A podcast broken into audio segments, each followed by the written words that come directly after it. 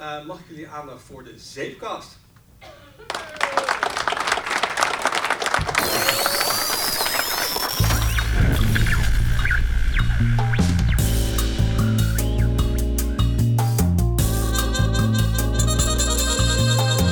De Zeepkast, opgenomen 17 maart tijdens het Wiekersteek Podcast Festival. Welkom allemaal bij een live aflevering van De Zeepkast. Een podcast over wetenschap, technologie en popculture. Opgenomen op het hoofdkantoor van Tweakers. Tegenover mij zit David. En tegenover mij zit Sander. Hoe is die David? Ja, gaat goed hoor. Ik ben de hele week, misschien hoor je het een beetje aan mijn stem. Ik uh, ben behoorlijk ziek geworden deze week, maar met een beetje drugs komt het allemaal wel goed hoor. Dus, hoe, uh, hoe erg hallucineer je nu of valt het mee? Nu valt het wel mee, maar vanochtend uh, piepte ik wel anders. ja, ja, ik weet het. Uh, wow, wat is dit? Dat? Ik zat bij jou in de auto. Uh, Je zat te kuchen en te, ja, te blaffen. En, ja. hey, wat is dit spannend, hè? Dit hebben wij nog nooit gedaan.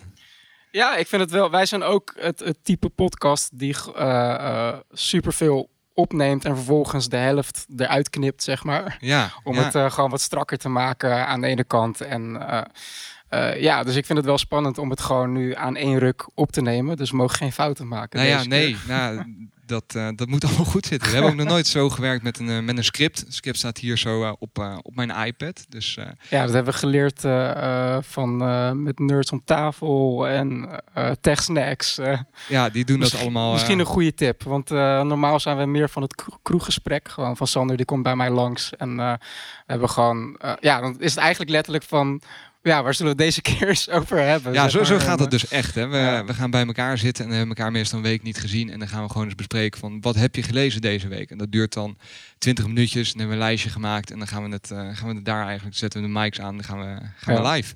Ja. En dan klopt er nog wel eens iets niet en dat knip jij er dan weer uit. En, uh, dus dat moeten we nu, uh, nu een beetje zien te voorkomen. Ja, dus Sander, waar gaan we het deze keer eens een keer over hebben? Nou ja, het leek ons wel leuk om een, uh, om een, een beetje een soort van special over één onderwerp te doen. Mm -hmm. Als ik jou een beetje ken, dan weet ik dat we niet... We hadden eerst weer een hele lijst met allemaal onderwerpen. En we hebben 45 minuten. Ja. Dat gaat hem niet worden.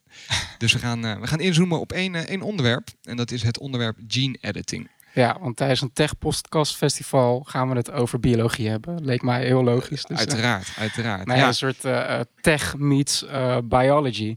Want wat ik altijd wel leuke, de, eigenlijk de leukste onderwerpen vind voor de zeepkast zijn onderwerpen die aan de ene kant ergens nog science fiction zijn, maar misschien over tien jaar niet meer.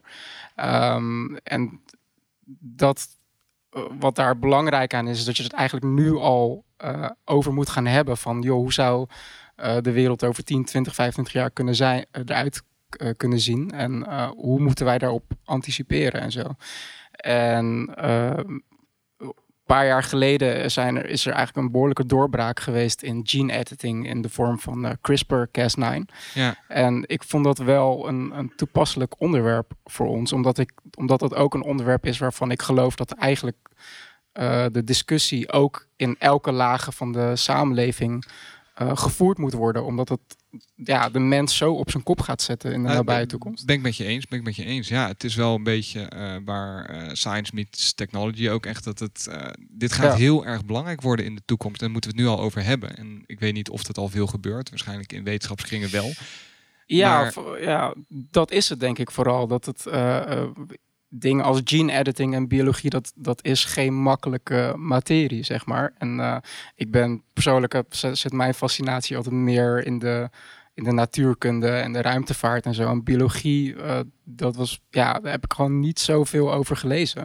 En daar heb ik voor deze podcast het boek eh, A Crack in Creation voor gebruikt van eh, Jennifer Doudna en Samuel Sternberg. Ja. En eh, dat zijn twee onderzoekers die eh, aan de grondvesten stonden van de ontdekking eh, van eh, CRISPR-Cas9.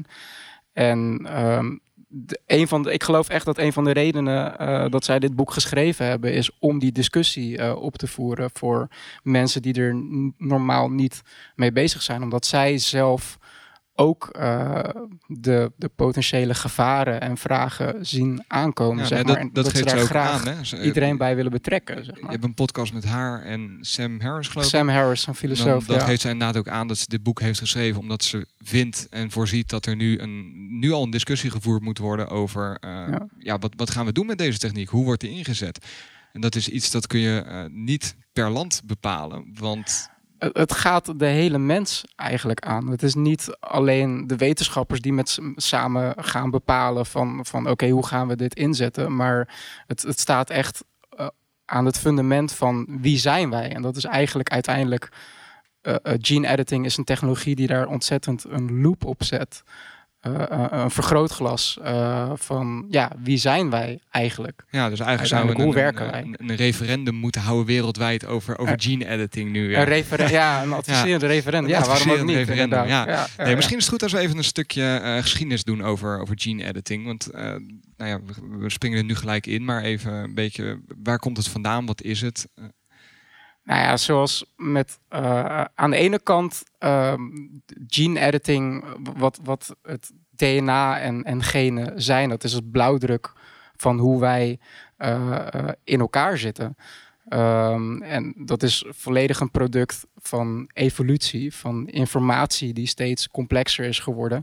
En ik vind altijd een van de ja, bijna freakiest, eh, meest freaky voorbeelden ehm, die er zijn, is een voorbeeld van eh, Richard Dawkins, wat Mhm. hij in zijn boek eh The Selfish Gene eh, beschrijft. Dus dat wij eig- eigenlijk alle organismes zijn niets anders dan een soort eh, vehicle, zeg maar, een, een, apparaat, voertuig, een ja. voertuig, een machine voor onze genen. En ehm, want wat, wat is het doel van evolutie? Om bepaald soort informatie zo lang mogelijk te door behouden, te laten door gaan te en, te, geven. en te Ja. behouden, survival of the fittest, zeg maar. Ehm, en dat interpreteer je dan misschien als een bepaald dier of mens of organisme die het heel lang volhoudt totdat hij uitsterft en een ander organisme die dan doorgaat. Maar uiteindelijk aan de grondvesten staat de informatie in onze genen. Ehm, als je ehm, eh, ja, wat, wat, wat Richard Dawkins eh, uiteindelijk beschrijft. Hij had zelf eigenlijk het boek de Immortal Gene willen noemen uiteindelijk. Eh, omdat de, de informatie die steeds doorgaat van mens tot mens, dat is heel vaak, is dat nog steeds, eh, blijft er heel veel informatie behouden. Tot duizenden jaren aan terug. Ondanks dat je generatie op generatie van vader op zoon hebt. Elke keer zijn het de, degenen die ehm, een- soort poging wagen van ik bouw een machine om me heen die het zo goed mogelijk moet doen in de natuur en als eindelijk doel heeft om die informatie weer door te spelen Mhm. tot een ander organisme, want het biologische systeem dat sterft af en dat blijft zo één op één doorgaan. Dus uiteindelijk beschrijft hij elke or- eh, Richard Dawkins heeft dan de term de survival machine, zeg maar. Dus een, een machine eh, om te survivalen en die informatie door te geven. En dat is ooit begonnen. Dus eigenlijk ben jij gegijzeld door je eigen genen. Zo, zo ja. interpreteer ik het wel, wat, Ja. wat Richard Dawkins eigenlijk zegt. Dat het ooit begonnen is als het... Dat vind ik echt een briljant verhaal over de replicators. Een soort... eh, ehm, Moet je denk ik even uitleggen. ja, dat, dat is... Kijk, het, het ding is, wij weten niet hoe het eh, gekomen is. Dat wij... De, de stap van, van, van moleculen die eigenlijk dood zijn, zeg Mhm. maar... tot een bepaalde combinatie wat wij nu leven noemen. En het, het, de term leven is ook gewoon eigenlijk op zich best lastig. Want het is gewoon een... een Kijk, ik persoonlijk ben daarin een materialist. Ik geloof niet in een soort ziel-essence of zo. Maar het, het is een, een, een, een hoopje atomen uiteindelijk, wat wij dan leven noemen. Maar Hmm. ooit was er waarschijnlijk een oersoep met allerlei moleculen die, die eh, eh, ronddwarrelden in, in de oersoep. En ontstond er per toeval een molecuul die zichzelf kon kopiëren, zijn informatie kon kopiëren. En op eh, die kopieën zijn ook niet perfect. Dus dan krijg je opeens variatie. En de ene variatie doet het dan weer beter dan de ander. Vervolgens krijg je gekke upgrades dat een molecuul eh, een ander molecuul kan opbreken en die weer kan gebruiken om kopieën van zichzelf te maken, bijvoorbeeld.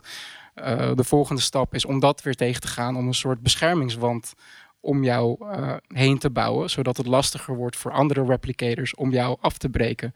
De eerste cellen zijn geboren. En zo is dat steeds doorgegaan totdat het zo complex is dat, dat je op een gegeven moment een soort denkende aap krijgt die ja. die die uh, um, die podcastfestivals organiseert die podcastfestivals zeg maar. organiseert en daarmee denkt van oké dan dat dat is een manier om te overleven maar uiteindelijk is het een soort soort replicator molecuul met informatie die aan de touwtjes niet niet live zeg maar maar die bouwt een soort machine die dat uh, want genen die hebben niet die die beslissen niet voor jou maar die geven alleen een soort apparaat ja, het is een automatisch proces. Dat is wat je, wat je wil nou, zeggen. Bij geboorte heb je dan zeg maar een, wordt er bepaald wat jouw skills worden eigenlijk. Een soort uh, Dungeon Dragons van oké, die... Uh, ja, een, skill point random, je, een random dice roll voor oké, dat is jouw speed en stamina en zo.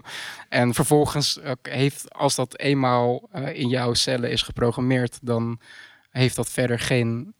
kan die dat niet live updaten nee. of zo, zeg maar. Weet je, daar, Tot nu daar toe. Gaat het tot nu toe eigenlijk. Want dan kom je dus uh, op het punt van uh, super kort dus uitgelegd wat evolutie is en, en, en de, een kijk van een bioloog als Richard Dawkins op wat organismen zijn. Uiteindelijk gewoon survival machines die, die verschillende straat, overlevingsstrategieën uitvoeren van DNA. Mm -hmm. En um, ik ben ervan, ja, de, de mens heeft eigenlijk is altijd al bezig geweest met het, het besturen van, van evolutie. In de zin van bijvoorbeeld uh, honden. Leg uit.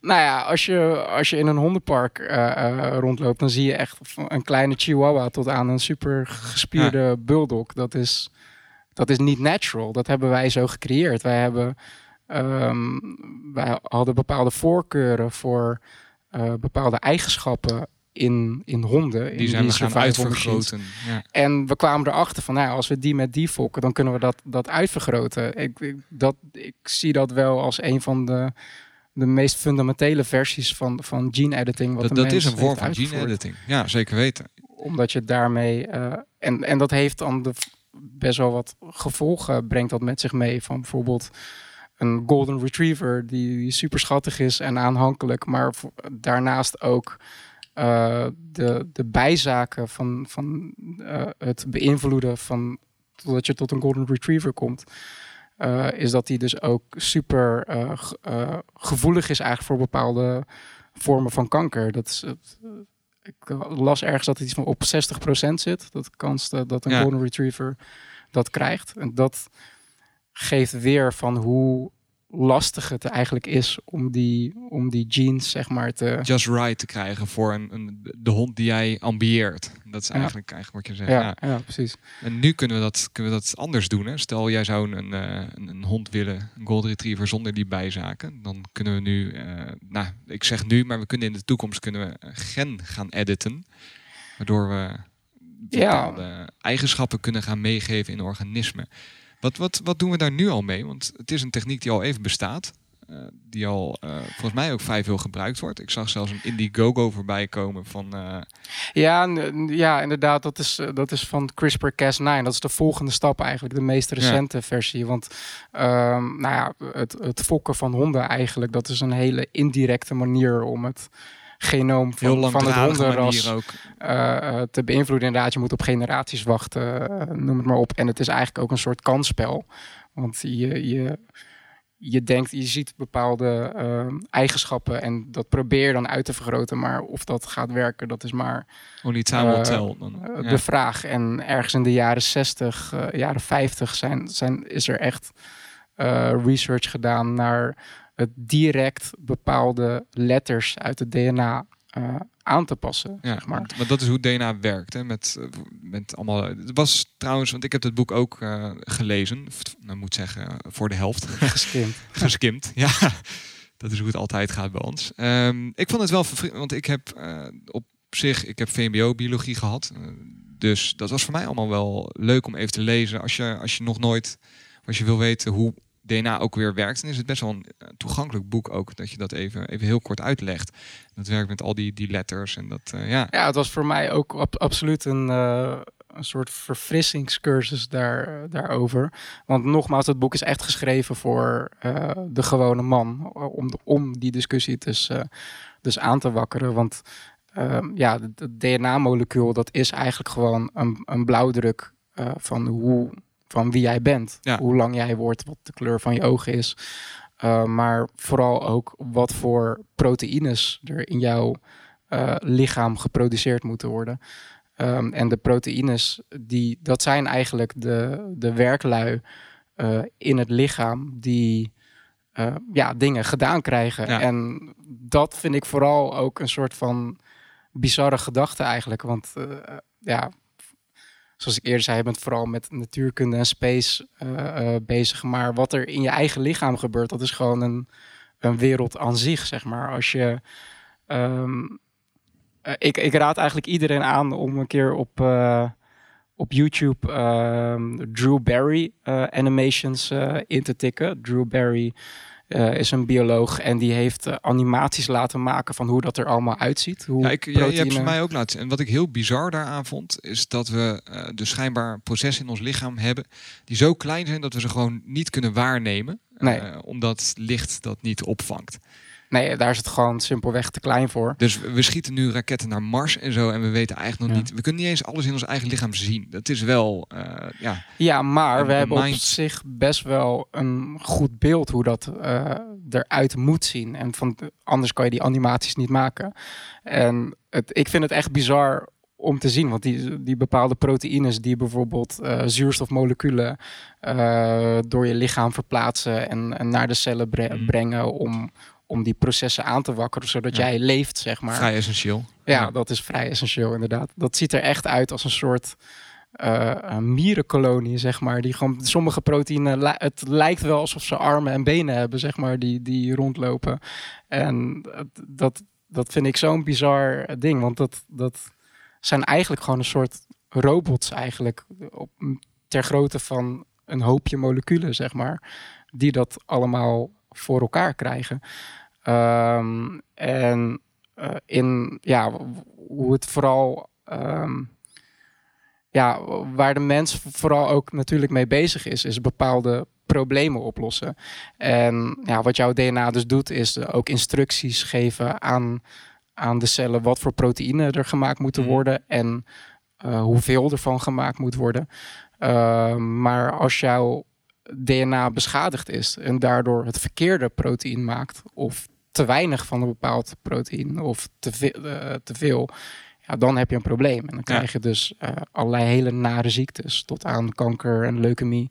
En ehm, ja, dan is het, zou het natuurlijk te gek zijn als je gewoon met een soort word processing software, zeg maar, jouw DNA kan herschrijven van nee, je moet deze hoeveelheid van proteïn maken en dit pro- Dat, dat we eigenlijk even gewoon ons eigen lichaam verbeteren. Even een tikje op de vingers geven. Want dit moet je niet zo doen, dan moet je even anders doen. Nou ja, ja, gewoon een, een, een soort patch. Ja. een- software update Software van fix, zo, ja. zo, moet het, zeg Ja. maar. En eh, dat eh, is ontzettend moeilijk, zeg maar, om dat, om dat te doen. Maar alleen al om even stil te staan op het feit dat wij snappen dat dat zo werkt, zeg Mhm. maar. Dat vind ik, en al best wel lang, al, van de, het begin van de 20e eeuw, zeg maar. Ja. Eh, Dus dat die wij- kennis hebben we al best wel even. ja, om het uit te lezen van de, van de DNA en, en te lezen van, nou, daar zitten waarschijnlijk de fouten. Want het hoeft bepaalde, van bepaalde ziektes weten we eigenlijk precies van, het gaat puur om dat ene lettertje wat daar een, eh, een T is, wat eigenlijk een G had moeten zijn, zeg maar. Ehm, dat dat een bepaalde ziekte veroorzaakt. En als we dat kunnen, kunnen aanpassen, dat dat verdwijnt, als het ware. Dus dat is sowieso bizar. Ehm, en ja, sinds de jaren 60 zijn er allerlei verschillende eh, technieken ehm, bedacht. En dat is dan nog niet CRISPR. Nee, maar andere dingen. Ehm, om, om DNA te kunnen knippen en andere eh, eh, de, de juiste letters daarin te plaatsen. Of een stuk DNA eh, eruit te knippen en de cel zijn werk laten doen dat die zichzelf een soort van Ja, aan elkaar plakt. repareert om, om een bepaald foutief gen, zeg maar, ehm, eh, te verwijderen. En dat, zeg dat was tot nu toe al een beetje schieten met een shotgun op een, eh, op een mug, hè? nou ja, Dat echt wel... met, met gene editing tot aan laten we zeggen drie, vier jaar geleden, was vooral het probleem de kosten. Dat het Mhm. gewoon ontzettend duur is. Eh, om, om een bepaald, om een eigenlijk een, een kleine biologische robot te maken die DNA kan knippen op de plek dat jij wil. Het, het komt wel al. We hadden wel mogelijkheden. Om We hadden zeker mogelijkheden. Alleen het was gewoon, eh, eh, ja, ten eerste dus ontzettend duur. Heel, mo- heel moeilijk ehm, herprogrammeerbaar. Af te Dus dan heb je bijvoorbeeld, het was eigenlijk allemaal custom made. Dus dat je een bepaald eh ehm, eh, molecu- eh, een, een machine maakt, zeg maar. Eh, Ik noem het een machine, maar het is eigenlijk gewoon een, een, ook een soort bio- biologisch Ja, het, is een systeem, biologisch zeg maar. proces. Ja. Ehm, eh, dat die heel lastig waren te herprogrammeren. Dan had je bijvoorbeeld eh, zo'n machine geprogrammeerd om op een bepaalde plek te knippen en die aanpassing te doen. Maar als je dan een keer een andere edit wil doen, dan kan je eigenlijk weer overnieuw beginnen, zeg Ja. maar. Dus dat.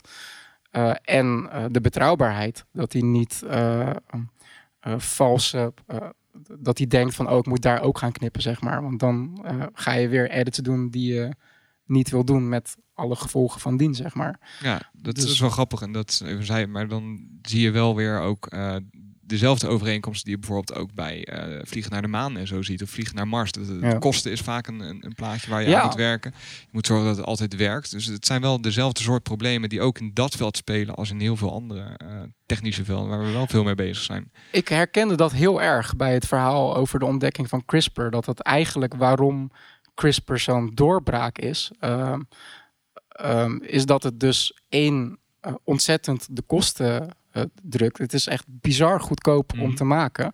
En het is super makkelijk herprogrammeerbaar. Ehm, over die kosten. eh, er, er was zelfs in 2015 een Indiegogo Ja. eh, crowdfunding pagina waarin je je eigen DIY CRISPR kit kon bestellen voor 160 dollar. Wat, wat, wat kon je daarmee? Hoe dat voor me zien? Dat je ineens een andere kleur haar had of zo? Dat je... Nou ja, nou, ik, ik geloof, nee, dat Ah, gene editing het, van ja. jezelf, nee, dat, dat is sowieso wel een stukje lastiger en Ja. duurder en daar komen we zo op. Maar dan kreeg je echt een, een, een DIY kit eh, thuis dat je eh, gist, een bepaalde bacterie kon editen, dat die dan eh, dat, dat gist rood wordt, zeg maar. Dat het, dat het Ja. rood kleurt. Dat je de, het gen op, op die manier aanpast. Dat kost 160 dollar. Bizar. Dat had je eh, twintig jaar geleden ha- had je dat nooit kunnen bedenken. Dat, dat is echt een honderdvoud daarvan om zoiets lulligs te doen. En nu, doet, nu kunnen mensen dat gewoon eigenlijk gewoon thuis bestellen en thuis doen. Ja, nou ja, je, je hebt het over mensen. Het is misschien nog wel goed om ook even te, te noemen waar CRISPR vandaan komt. Want het is geen, niet iets dat we hebben gemaakt. Hè? Of iets dat we hebben... eh, Ja, zoals met heel veel dingen heeft de natuur had het al, al lang bedacht, zeg Ja, maar. Wat, wat, wij proberen, Ja. wat wij proberen te ontwerpen, heeft, heeft de natuur door, door natural selection en evolutie eigenlijk al gemaakt. Want CRISPR is inderdaad ehm, een systeem eh, wat wij ontdekt hebben, gevonden eh, hebben. Ehm, en dat komt eigenlijk voort uit een soort millennia lange battle tussen bacteriën en virussen. En dat, dat is ook op zich een, eh, eh, ja, gewoon een, een bizar gegeven ei- eigenlijk. Ehm, ehm, want wat virussen eh, doen, eh, is hun genetische materiaal in een bacterie pompen als het ware en de bacterie herprogrammeren, Mhm. zodat de, eh, eh, de cel van, een bacterie eh, eigenlijk omgezet wordt tot een fabriek van die virus, zeg maar. ja, een soort dus- parasitair eh ding. Ja. ja. Absoluut. Eh, dus dat een, een bacterie ehm, ja, dusdanig eh, eh, zijn eigen functie helemaal niet meer doet. En dusdanig veel virussen maakt dat die helemaal vol zit en uiteindelijk uit elkaar klapt. En het virus weer verspreidt. En dan gaan ze weer op zoek naar de, de volgende De volgende host. bacteriecel. Trouwens, virussen die zien er ook echt bizar uit. Ja? Daar zou je een keer plaatjes van moeten googlen. Maar dat is echt een soort van UFO spaceship gewoon. Dat is een heel goed voorbeeld van een bepaald vorm virus. Eh, ken je die eh, dobbelstenen die was bij eh Dungeons and Dragons worden gebruikt ja, van ja, meerkantige dobbelstenen. Ja. Dan moet je je voorstellen een soort van twintigkantige dobbelsteen met een schacht die eruit komt. En op het einde van de schacht zit een soort van haken, tentakels. Dat is, ja, dat, Oké. sowieso zoiets ja, het, het ziet er echt alien uit, zeg maar. En eh, wat een, een virus dan doet, is die tentakels, daarmee hecht hij zich op aan de wand van een bacterie. En eh, schiet hij, injecteert hij zijn, zijn DNA in, Ja. in, in de bacterie. En, eh, Finish him. Dat idee een beetje. ja, ja. ja, precies. Ja. Ik, ja, dat, dat is gewoon freaky, zeg maar. Het is een soort van nature damn you scary, zeg maar. Ja. Ehm, en dat, dat is een soort battle wat, wat al honderdduizenden jaren Battle of the eh, Ages, eh, echt, eh. zich voortdoet tussen, tussen virussen en, eh, eh, en ja, verschillende bacteriën. En ehm, researchers waren heel erg geïnteresseerd in ehm, eh, ja, hoe een bacterie zich daartegen kan verweren, zeg maar. Ja. Eh, en ehm, wat, ze, want wat ze ontdekt hebben, is dat er. Nou, als eerste wa- wat, wat er opviel, was dat heel veel eh, eh, in die DNA-strengen van een, van een bacterie van verschillende soorten, van verschillende vormen, dat, ze, dat er iets opviel in, in de DNA. En dat ze een soort eh, herhaling zagen. Mhm. Ehm, wat gewoon geen toeval meer kon zijn. Want op zich, dat bepaalde soort letters zich herhalen in het DNA, dat is niet vreemd. Maar de manier waarop dat bij heel veel eh, verschillende bacteriën gebeurde, eh, dat, dat riep wel vraagtekens. Ja, op een soort van interesse van wat is dat? Wat gebeurt daar? Want wat ze zagen was steeds een soort eh, een stukje ehm, DNA, dan een stukje random letters eigenlijk, dan weer een herhaling van, van datzelfde stukje DNA, dan weer random, dan weer eh, dat herhaalt, ga zo Dus, maar dus door. een sequence eigenlijk. Die, eh, ja. Een sequence, ja. Ja. En eh, om een lang verhaal kort te maken, ze gingen het natuurlijk uitzoeken van, van Ja. hoe kan dat nou en wat is dat? Het kwam er uiteindelijk op neer dat, dat een, een bacterie schijnbaar een soort bibliotheek opbouwt van de verschillende virussen die, waardoor die is Een soort aangevallen. naslagwerk van, van virussen. Ja. Ja, dus dat je eigenlijk een soort sp- spacer hebt, zeg maar, een stukje. Oké, hier stopt eh, eh, het, stukje DNA van de virus die ik ken. Dan komt er het ander stukje Ja. eh, van de virus, dan weer een spacer. En daar komt dan uiteindelijk ook de naam van: Clustered Regularly Interspaced Short Palindromic Repeats. Die zit in de Oftewel- quiz. Nee. Oftewel CRISPR. En pal- palindromic, dat is wel leuk trouwens, want pal- een palindroom, ja. dat is dat je iets, ehm, nou, dat je iets zowel naar voren als achteruit kan lezen en dat er dan hetzelfde staat, Ja. zeg maar. Eh, dus ehm, eh, ja, dat waren die, die, die spaties, zeg maar, tussen die virus. Oh, dat waren die kon je ook twee kanten oplezen. Waardoor ze... Ja. oh, Ja, palindromic. Ja, Palindromic repeats. tof. Dus uiteindelijk eh, CRISPR. En wat, wat een bacterie dus schijnbaar doet, wat hij geleerd heeft, is dat wanneer die aangevallen wordt door een virus, dat hij eh, dat DNA zeg maar eh, oppakt, stukje DNA oppakt Mhm. en in zijn eigen CRISPR stuk DNA van zijn library, zeg maar, ertussen plakt. Ja, dus een grote Zeg maar. boekenkast met virussen, daar zet hij hem bij. Ja, precies. En de volgende keer dat die. eh, eh, en eh, bacteriën hebben dan ook verschillende manieren om die informatie met elkaar te delen. Maar dat is ook een verhaal apart. Ehm, maar dat ze eh, op een gegeven moment dus weten als er zo'nzelfde virus weer binnenkomt. Van hé, hey, dat stukje DNA, dat mag ik niet vertrouwen. Dat ga ik Dat gelijk aan gort ja. snijden, zeg maar.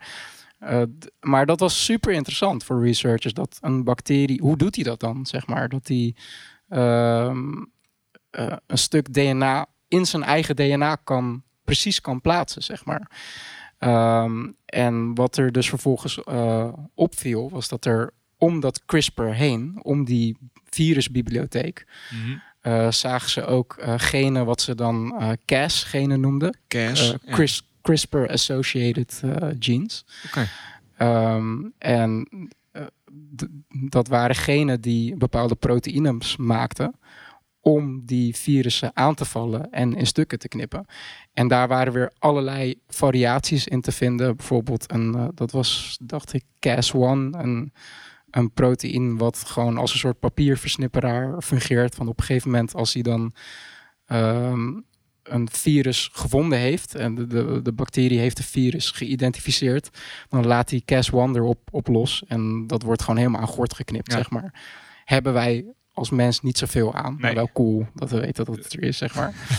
Eh, maar uiteindelijk, ehm, de meest interessante pro- Cas-protein die we gevonden hebben, is Cas9 Ja, eh, Cas9. En eh, Cas9 is bizar effectief en efficiënt. Je kan Cas9 een stukje ehm, RNA geven. RNA is een soort neefje van, eh, van DNA. Mhm. ehm, eh, die als een soort GPS-navigator fungeert. Die, die stuurt de Cas9-proteïn naar een stuk, naar het stukje DNA wat in die RNA staat. Doet daar een precieze knip. En je kan dan vervolgens zeggen van, nou, dan moet je dit stukje DNA erin Ik kan hem gewoon plaatsen. helemaal instructies meegeven over wat hij, eh, wat hij moet doen daarmee. Het is super goedkoop omdat bacteriën kweken. Hebben niet dat zoveel geld. Dat, dat Ja. kunnen we. We kunnen letterlijk bacteriën gewoon reprogrammen tot een soort, soort fabriek van proteïnes. Dus Mhm. eh, we kunnen eh, een, een bacterie programmen om Cas9 te produceren. Super goedkoop.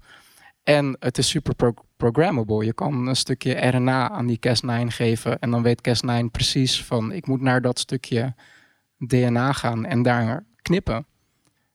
Bizar. Dan hebben we een beetje de, de techniek besproken. Hè? Want ik moet ook, ik, ik ken jou, ik moet de tijd altijd bewaken. Normaal gesproken Ja. hè, kunnen we gewoon knippen wat we willen. Nu moeten we het binnen drie kwartier doen. Dan is het misschien leuk om ook even te kijken wat, wat, welk- welke vragen dit oproept. Want als we kunnen gaan knippen in, eh, in, in het, genoom van de mens, dus dat is waar het naartoe gaat, dat we echt eh, ja, programmeerbare mensen kunnen maken. Welke, welke vragen roept dat op? Ja, nou, waar bijvoorbeeld de schrijvers van het boek Mhm. eh, zich heel veel zorgen over maken. In principe, oké, ik heb het nu super simplistisch uitge- uitgelegd. In de realiteit is nog wel heel veel research nodig om, om het genoom nog beter te snappen. ehm, wat je wel en niet mag editen. Want eh, ehm, er zijn bijvoorbeeld bepaalde ziektes ehm, de- waar meerdere genen invloed op hebben, zeg maar. Kan je daar zomaar die Nou, zes dus knips we, we in weten maken gewoon niet helemaal hoe we moeten knippen, wat we kunnen doen, Precies. welke effecten het heeft. Ja. Ja. Maar het grootste probleem wat, wat gene editing en CRISPR vooral heeft, is een, ja, hoe moet je dat zeggen? Een vervoersprobleem. Hoe breng je Cas9 tot de cellen die jij Ja. wil editen, Ja. zeg maar. En globaal kan je dat in twee groepen kan je dat zetten. Dus in het, in het lichaam. Eh, dus dat je ehm, ja, zo, zo goed mogelijk probeert. ehm, ja, bijvoorbeeld het makkelijkste is eh, iets in de bloedbla- bloedbaan brengen, zeg maar, om ja. daar de edits te plaatsen. Eh, maar hoe specifieker het wordt, hoe lastiger het wordt om Cas9 op de, op de goede plekken toe te Ja, dienen. dus, Dus, als je daar iets zou wilt, je, je, de, de, de, de linker voorzijde van je lever, eh, dit, bijvoorbeeld wordt, het, wordt ja, het lastiger. Ja, Ja, ik denk dat je dan echt richting nanotechnology zou moeten gaan. om Kleine echt, robotjes die ja, door je precies, lichaam heen lopen. eh, en, custom ja. made eh, om dat te brengen. En het, het andere eh, is eh, buiten het lichaam. En dat, gaat, dat noemen ze dan de, de germline. Dat is eigenlijk voor bevruchting. Dat je bijvoorbeeld eh, sperma en ei- eicellen Mhm. al kan editen voordat het zich... eh, Ontwikkeld tot een... eh, ja, want je hebt dan maar met één cel te maken. Je doet de edit. En dat gaat dan vervolgens groeien. Dat gaat eh, multipliceren. Ja, gaat En ding de, en de edit zit overal in, zeg maar. En dat is het, eigenlijk het makkelijkste om te doen, Mhm. maar ook gelijk het meest, Ethisch. ik zeg maar ja. tussen haakjes, Ja. het meest enge. Eh, want je denkt dan gelijk aan designer babies. Eh dat was letterlijk een van de schrijvers, Samuel Sternberg, toen ze eh, hun papers aan het releasen waren over CRISPR, werd, kreeg hij al een mailtje van een of andere entrepreneur. Van ik heb echt een proposal. eh, Je krijgt mij keer een drankje 100.000 miljard als ik die, die tech mag hebben om... ja, snap ik. Nou ja. Ehm, hij, hij ging daarop in van, nou, oké, we gaan koffie drinken. En eh, die mevrouw die pitchte gewoon les- letterlijk CRISPR-babies. Zeg Ja. maar. Dus gewoon een... Als jij maar genoeg geld neerlegt, dan mag je zelf helemaal bepalen hoe je, hoe je kind Ja, met, gaat zien. zij, Ja. zij pitchten het dan vooral als... ehm, want eh, de- daar komen ze dan zo op, maar... nou, zo, CRISPR we, we hebben nog CRISPR 10 minuten. Ah, ja. Mag, ja, goed. Oké, ik zal snel doen. Ehm, een, CRISPR-baby, eh, die dus eigenlijk... eh, geen ziektes heeft, zeg maar. Die gewoon waarvan alle eh, edits die wij waarvan wij weten van, nou, dat verzorgt, dat, dat vergroot de kans op die ziekte Ja. of die ziekte. Dat halen we er allemaal uit. Dat knippen we, Knippen we editen, editen we. Klaar, ja. CRISPR baby, gewoon een soort van. En is dat iets baby. wat, wat, wat, wat slecht is? Ja, dat, dat- dat is de vraag. Want Ja, op dat- een gegeven moment kom je denk ik wel op een punt waarvan je kan zeggen van... is het ethisch verantwoord als je weet dat je dat kan doen? En dat is gewoon een open vraag. Maar is het dan ethisch verantwoord om een baby te laten... Om het niet te doen. ja, precies. Ja. Om, En waar, waar ligt dan de grens? ja, Als je nou weet dat, eh, ja, dat bepaalde eigenschappen eh, niet levensbedreigend zijn, maar wel weggehaald kunnen worden, moet je dat dan wel of niet doen? Eh, en dat is wel een sliding skill natuurlijk. ja, want wat, wat, naar, ja, wat een soort van universal law in technologie is, volgens mij... is dat een technologie wordt altijd een soort van eerst bedacht om een probleem op te lossen. Ehm, maar op een gegeven moment, als we daarmee iemand beter kunnen maken, dan kan, kunnen we ook een gezond persoon nog beter Ja, maken, zeg maar. Nog Dus vetter. een, een, eh, een heel eh, stom voorbeeld is bijvoorbeeld Viagra. Dat was eh, origineel bedacht als een soort eh, ehm, drugs tegen me- voor, voor mensen die, die bloeddrukproblemen hebben. Mhm. Vervolgens kwam het bedrijf achter van. Dat was een oh, het- bijwerking, hè? Het, had bijwerkingen van dat het. nou ja, maar dat het dus bijvoorbeeld ook impotentie oplost. Ja, Maar iemand die niet impotent eh, is, die kan Viagra in principe ook eh, gebruiken, zeg maar. Oftewel, een soort van enhancement, zeg Ja. maar. Dus de, de, de law is eigenlijk van het wordt eerst gebruikt om een probleem op te lossen, maar vervolgens om mensen die dat probleem niet hebben, beter te om dat te Ja. enhancen, zeg maar. Ja, daarom zeg ik, het is een sliding skill. Ja, Wat, zijn daar omtrent de regels? En dat is de discussie die nu wel eh, gevoerd moet gaan worden. Maar dat, ja, dat, dat zeker. Want dat vind ik vooral gewoon interessant. Omdat dat ehm, eigenlijk eh, de spiegel voorzet van, van wat zijn wij nou eigenlijk? Ehm, als je begrijpt wat ik bedoel. Want wij, ehm, we hebben een bepaald genoom, zeg maar. Mhm. Dus en, dat is de verzameling van al onze, al ja, code van, eigenlijk. Van, ja. van wat wij zijn. Maar dat genoom is ook maar een, een tijdelijke versie of zo. Ik bedoel, de mens heeft, er was niet. eh, uiteindelijk kom, eh, kan je ook terug in de tijd gaan en zag de mens er heel anders uit tot aan een punt dat het geen Homo sapiens meer is. Er was een tijd dat er verschillende soorten mensen op aarde liepen naast de Homo sapiens, de, de Neandertaler. Eh, en potentieel gaat, en dat vind ik persoonlijk wel scary daaraan, is dat dat weer een soort splits, splitsing mogelijk maakt, zeg maar, in de Homo sapiens Ja. aan zich, zeg maar. Ja. Van mensen die anders geëdit zijn.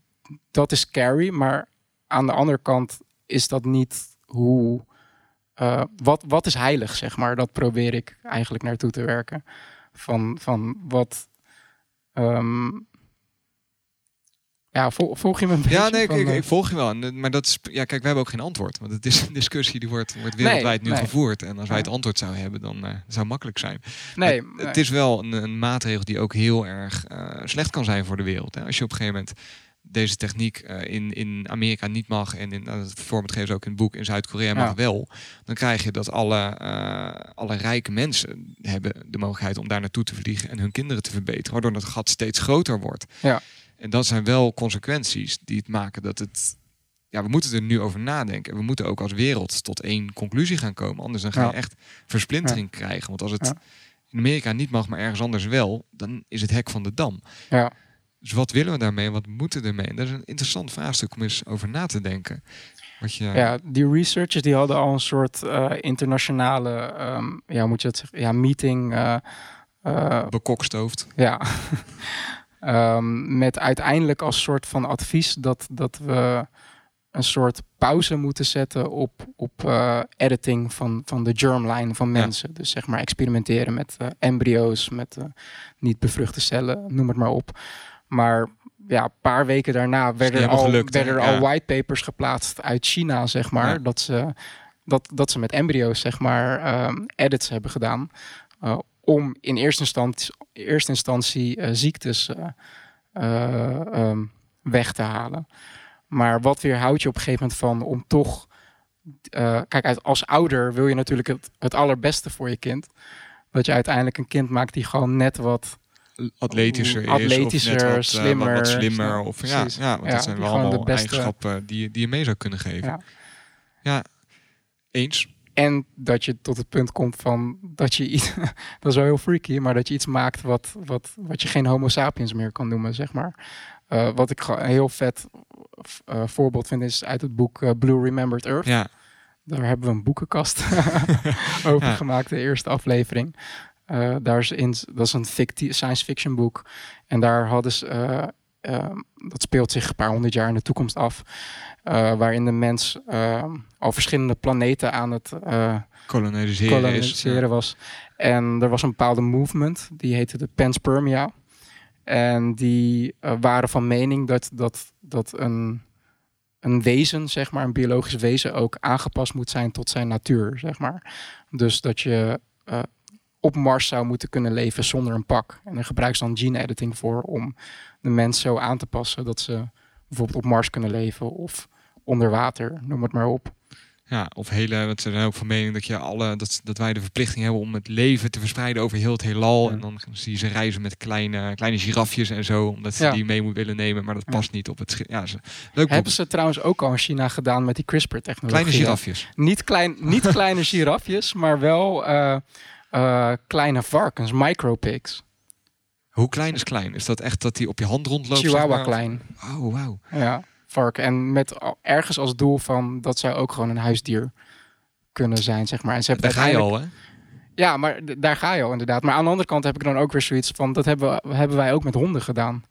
Een chi- chihuahua is ook niet natural, zeg maar. Ja, nee, dat, Dus, dat klopt. eh, Dat klopt. Dus Ja. hoe, is het, hoe is de methode dan anders, zeg maar? Dat is ook... eh, Ja, het, is, het is sneller. Het is, eh, ja, nee, eens. Het is effectiever. Klopt. ehm, Ja, we hebben nog. ik nog- heb nog heel veel, maar... Ja, ik heb ook nog heel veel onderwerpen, maar die moeten we misschien even, even bewaren. Ja. Ik denk dat we, dat we een eind aan eh, gaan breien. We mogen het extra tijd pakken, hoor ik net. We krijgen een seintje als we, als we moeten stoppen. Ehm, nu ben ik mijn flow kwijt. Ja, nee. Zal, zal ik gewoon een, een kwartje erin gooien? Help me. Ja, oké. ehm, verjongingskuren. 300 jaar oud worden of misschien zelfs onsterfelijk. Go. Ja, verjongingskuren. Dat vind ik wel echt... Dat is gewoon oprecht een van mijn, van mijn angsten, zeg maar. ik, dat ik- ik, We hebben het daar, want we doen altijd een beetje een pre-show. We hebben het er wel over gehad. En ik deel die angst heel erg met je, inderdaad. Ja. Dat je dan eh 80 jaar wordt en dan overlijdt. En dan een week daarna dan is er een soort kuur op de markt dat je ook weer gewoon jonger had kunnen worden, zeg maar. Dat zou Ja. ik echt jammer vinden. Ja, ja. precies. Dat is... eh, eh, want, want dat zit er, zit er ook aan te komen om ons levensspan te, te verlengen. Misschien zelfs tot een punt dat je kan, steeds maar kan blijven verlengen, zeg maar. Dat Ja. wordt dan... Nou, om, om even een, een, een, eh, want we zijn ook popculture, om even een popculture hoek in te gooien. Inderdaad, die nieuwe serie die net ook al even genoemd werd, eh Altered, Altered Carbon, Carbon. gaat daar heel erg Maar daar over. zit wel een verschil in hoor. Want wat zij in Altered Carbon doen, de Netflix-serie, is je, je bewustzijn verplaatsen Ja. naar verschillende sleeves, naar Ja. verschillende lichamen. En daar geloof ik dan persoonlijk niet in, omdat je. Maar dat is dan ook weer. Ik een- zullen we dat zijpaadje even Ja, laten liggen, inderdaad? Ja. en, en een verjongingskuur is eigenlijk gewoon de, de survival machine die je nu hebt, zeg maar, om, om die levensduur daarvan steeds maar te verlengen. En, en eh, de aftakeling, zal ik maar zeggen, steeds maar Uit te Maar stellen. uit te stellen. Een soort APK'tje voor je lichaam, zeg maar. eh. Uitei- uiteindelijk zal dat wel worden. En dan krijg je ook wel eh, die, ehm, ja, die splitsing in de samenleving, zeg maar. Want op, eh, je krijgt gewoon de, de, de, superman, zeg maar, die, die rondloopt in society. Want in principe is die, eh, die kloof er al. Als je bijvoorbeeld bedenkt van, nou, wij hebben eh, auto's en de internet, alle kennis zit in je broekzak, zeg maar. En dat heeft een, een misschien een jongetje in Sri Lanka, zeg maar, die heeft dat allemaal niet. Ja. En dat is dan een verschil dat jij gewoon instant access hebt tot kennis To en vervoer zeg maar. en alles. Maar in de basis zijn we allemaal gewoon homo sapiens. Hebben wij dezelfde, dezelfde hardware. Maar wanneer wij met gene editing daarin gaan, gaan sleutelen, zeg maar, dan ontstaat die kloof wel. Ja, dan ga je Maar- echt wel ook, ook eh, fysiek betere mensen krijgen. En dat, dat is... Maar zou jij... want als, als ver- verjongingskuur, dat je, je probeert er nu op aan te sturen dat dat dan iets is dat alleen voor de, voor de rijke elite is weggelegd? Of, Dat hangt er vanaf hoe snel het goedkoop wordt, zeg maar. Dat, dat, dat eigenlijk praktisch iedereen een iPhone kan kopen, zeg maar. Dat praktisch iedereen dat, dat Apple Care abonnementje kan nemen op zijn lichaam, zeg maar. ja, Weet je, dat, dat is. eh, dat wordt vooral interessanter aan. Want ergens ben ik er wel van mening in dat, dat eigenlijk de hele medische, biologische eh, wereld, die moet al zijn, al zijn efforts, al zijn research, resources richten. richten op, op, op verjonging en levensverlenging. Zeg maar daar, daar geloof ik wel in.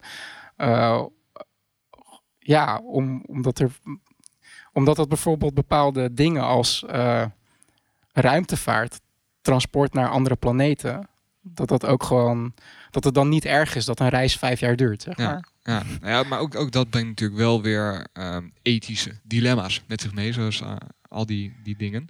Ja, maar ja, dan kom ik dus op het punt van, van wat is heilig? Want eigenlijk het verschil, ehm, de mens die verandert, de DNA die verandert al, die muteert al. En het enige verschil is dat, dat wij die random mutaties, zeg maar, eh, zelf kunnen beïnvloeden. Ja. Zeg maar. Maar- En dan, maar dan komt dus wel de vraag van, dan kunnen wij die... dat als we eh, nature zijn natuurlijke loop laten, dat we op een gegeven moment eh, ook onsterfelijk worden? Jij zegt het loopt al. nee, Nee, toch? Nee, nee, want, want evolutie heeft in die zin geen doel. Dat is gewoon random. Dus dat, evolutie werkt niet per se naar iets goeds of beters, maar naar iets wat op dit moment voor de externe factoren Het beste de, is. de beste Ja. survival machine en daarom maar. zeg ik, het heeft ook wel dilemma's. Als een mens eh 400 jaar op aarde kan leven, is Ja. dat iets wat je, wat je moet willen? Is dat eerlijk tegenover... Eh, ja, dat moet je wel willen. Ja, nee, Nee. snap je? Maar dat je, als je zelf mag kiezen wanneer je er niet meer bent, eh, is het ethisch veranderd dat jij 400 jaar oud wordt. Want eh, stel dat aarde is vol, ja, helemaal, weet je wel, vol is vol. Er kan niemand meer bij en zijn we nu nog lang niet, maar Ja, dus we- stel- we komen tot dat, dat Ja. punt. ja. Je hebt één mens die wordt 400 jaar oud. die houdt eigenlijk de plek in beslag van een kind wat nog niet geboren is. Ja, nou, sterker nog, 400 zegt dat we nu allemaal gemiddeld 80 worden. Van, eh, nou, het is 6, 7 eh, mensen die daar geleefd hadden kunnen hebben. Ja.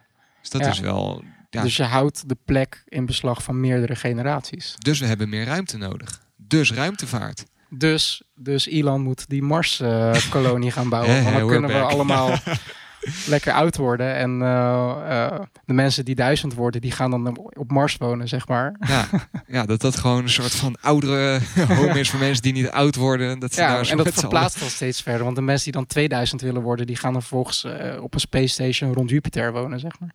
Wauw, ja, dat je, steeds oudere mensen krijgt, hoe Ja. je het, het, het, universum... Ja, dan krijg je een soort van boomidee. Dan Met ringen tellen dat je kunt zien hoe ver je van aarde Oh, af dat zit is en hoe oud heel- mensen worden. Het is wel echt een heel goed idee voor een science fiction boek, man. Die ga ik echt, eh, Ja, echt opschrijven. Ja. Maar ja, kijk, uiteindelijk eh, over dat wat is heilig. Ja, eh, DNA verandert gewoon. En, en de Homo sapiens is gewoon een, een tijdelijke survival machine die de DNA heeft bedacht van dat dat werkt ja. op dit En als moment. je evolutie zijn gang zou laten lopen, Ja. over een miljoen jaar zouden mensen er sowieso helemaal anders uitzien. Dat is eigenlijk wat je, wat je Precies. bedoelt. En is het dan de, de, fout als vraag wij... is, de vraag is alleen of wij de capaciteit hebben om de juiste vragen te stellen om onze eigen evolutie te hijacken. Ja, daar, maar. de, die vraag snap ik wel. En ja, Ja.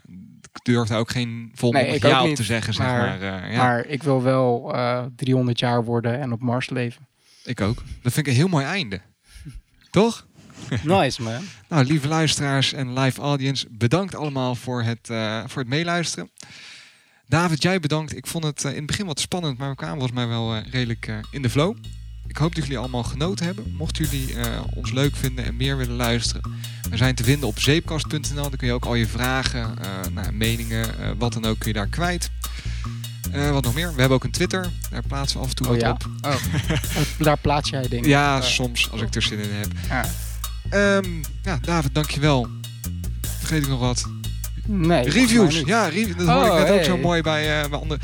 Mocht je dat nog niet gedaan hebben, laat even een review achter op onze podcast. Dat helpt ons enorm. Dan eh, rest mij niks dan jou te bedanken, David. Jij ook bedankt, Sander. Lieve luisteraars, live long and prosper.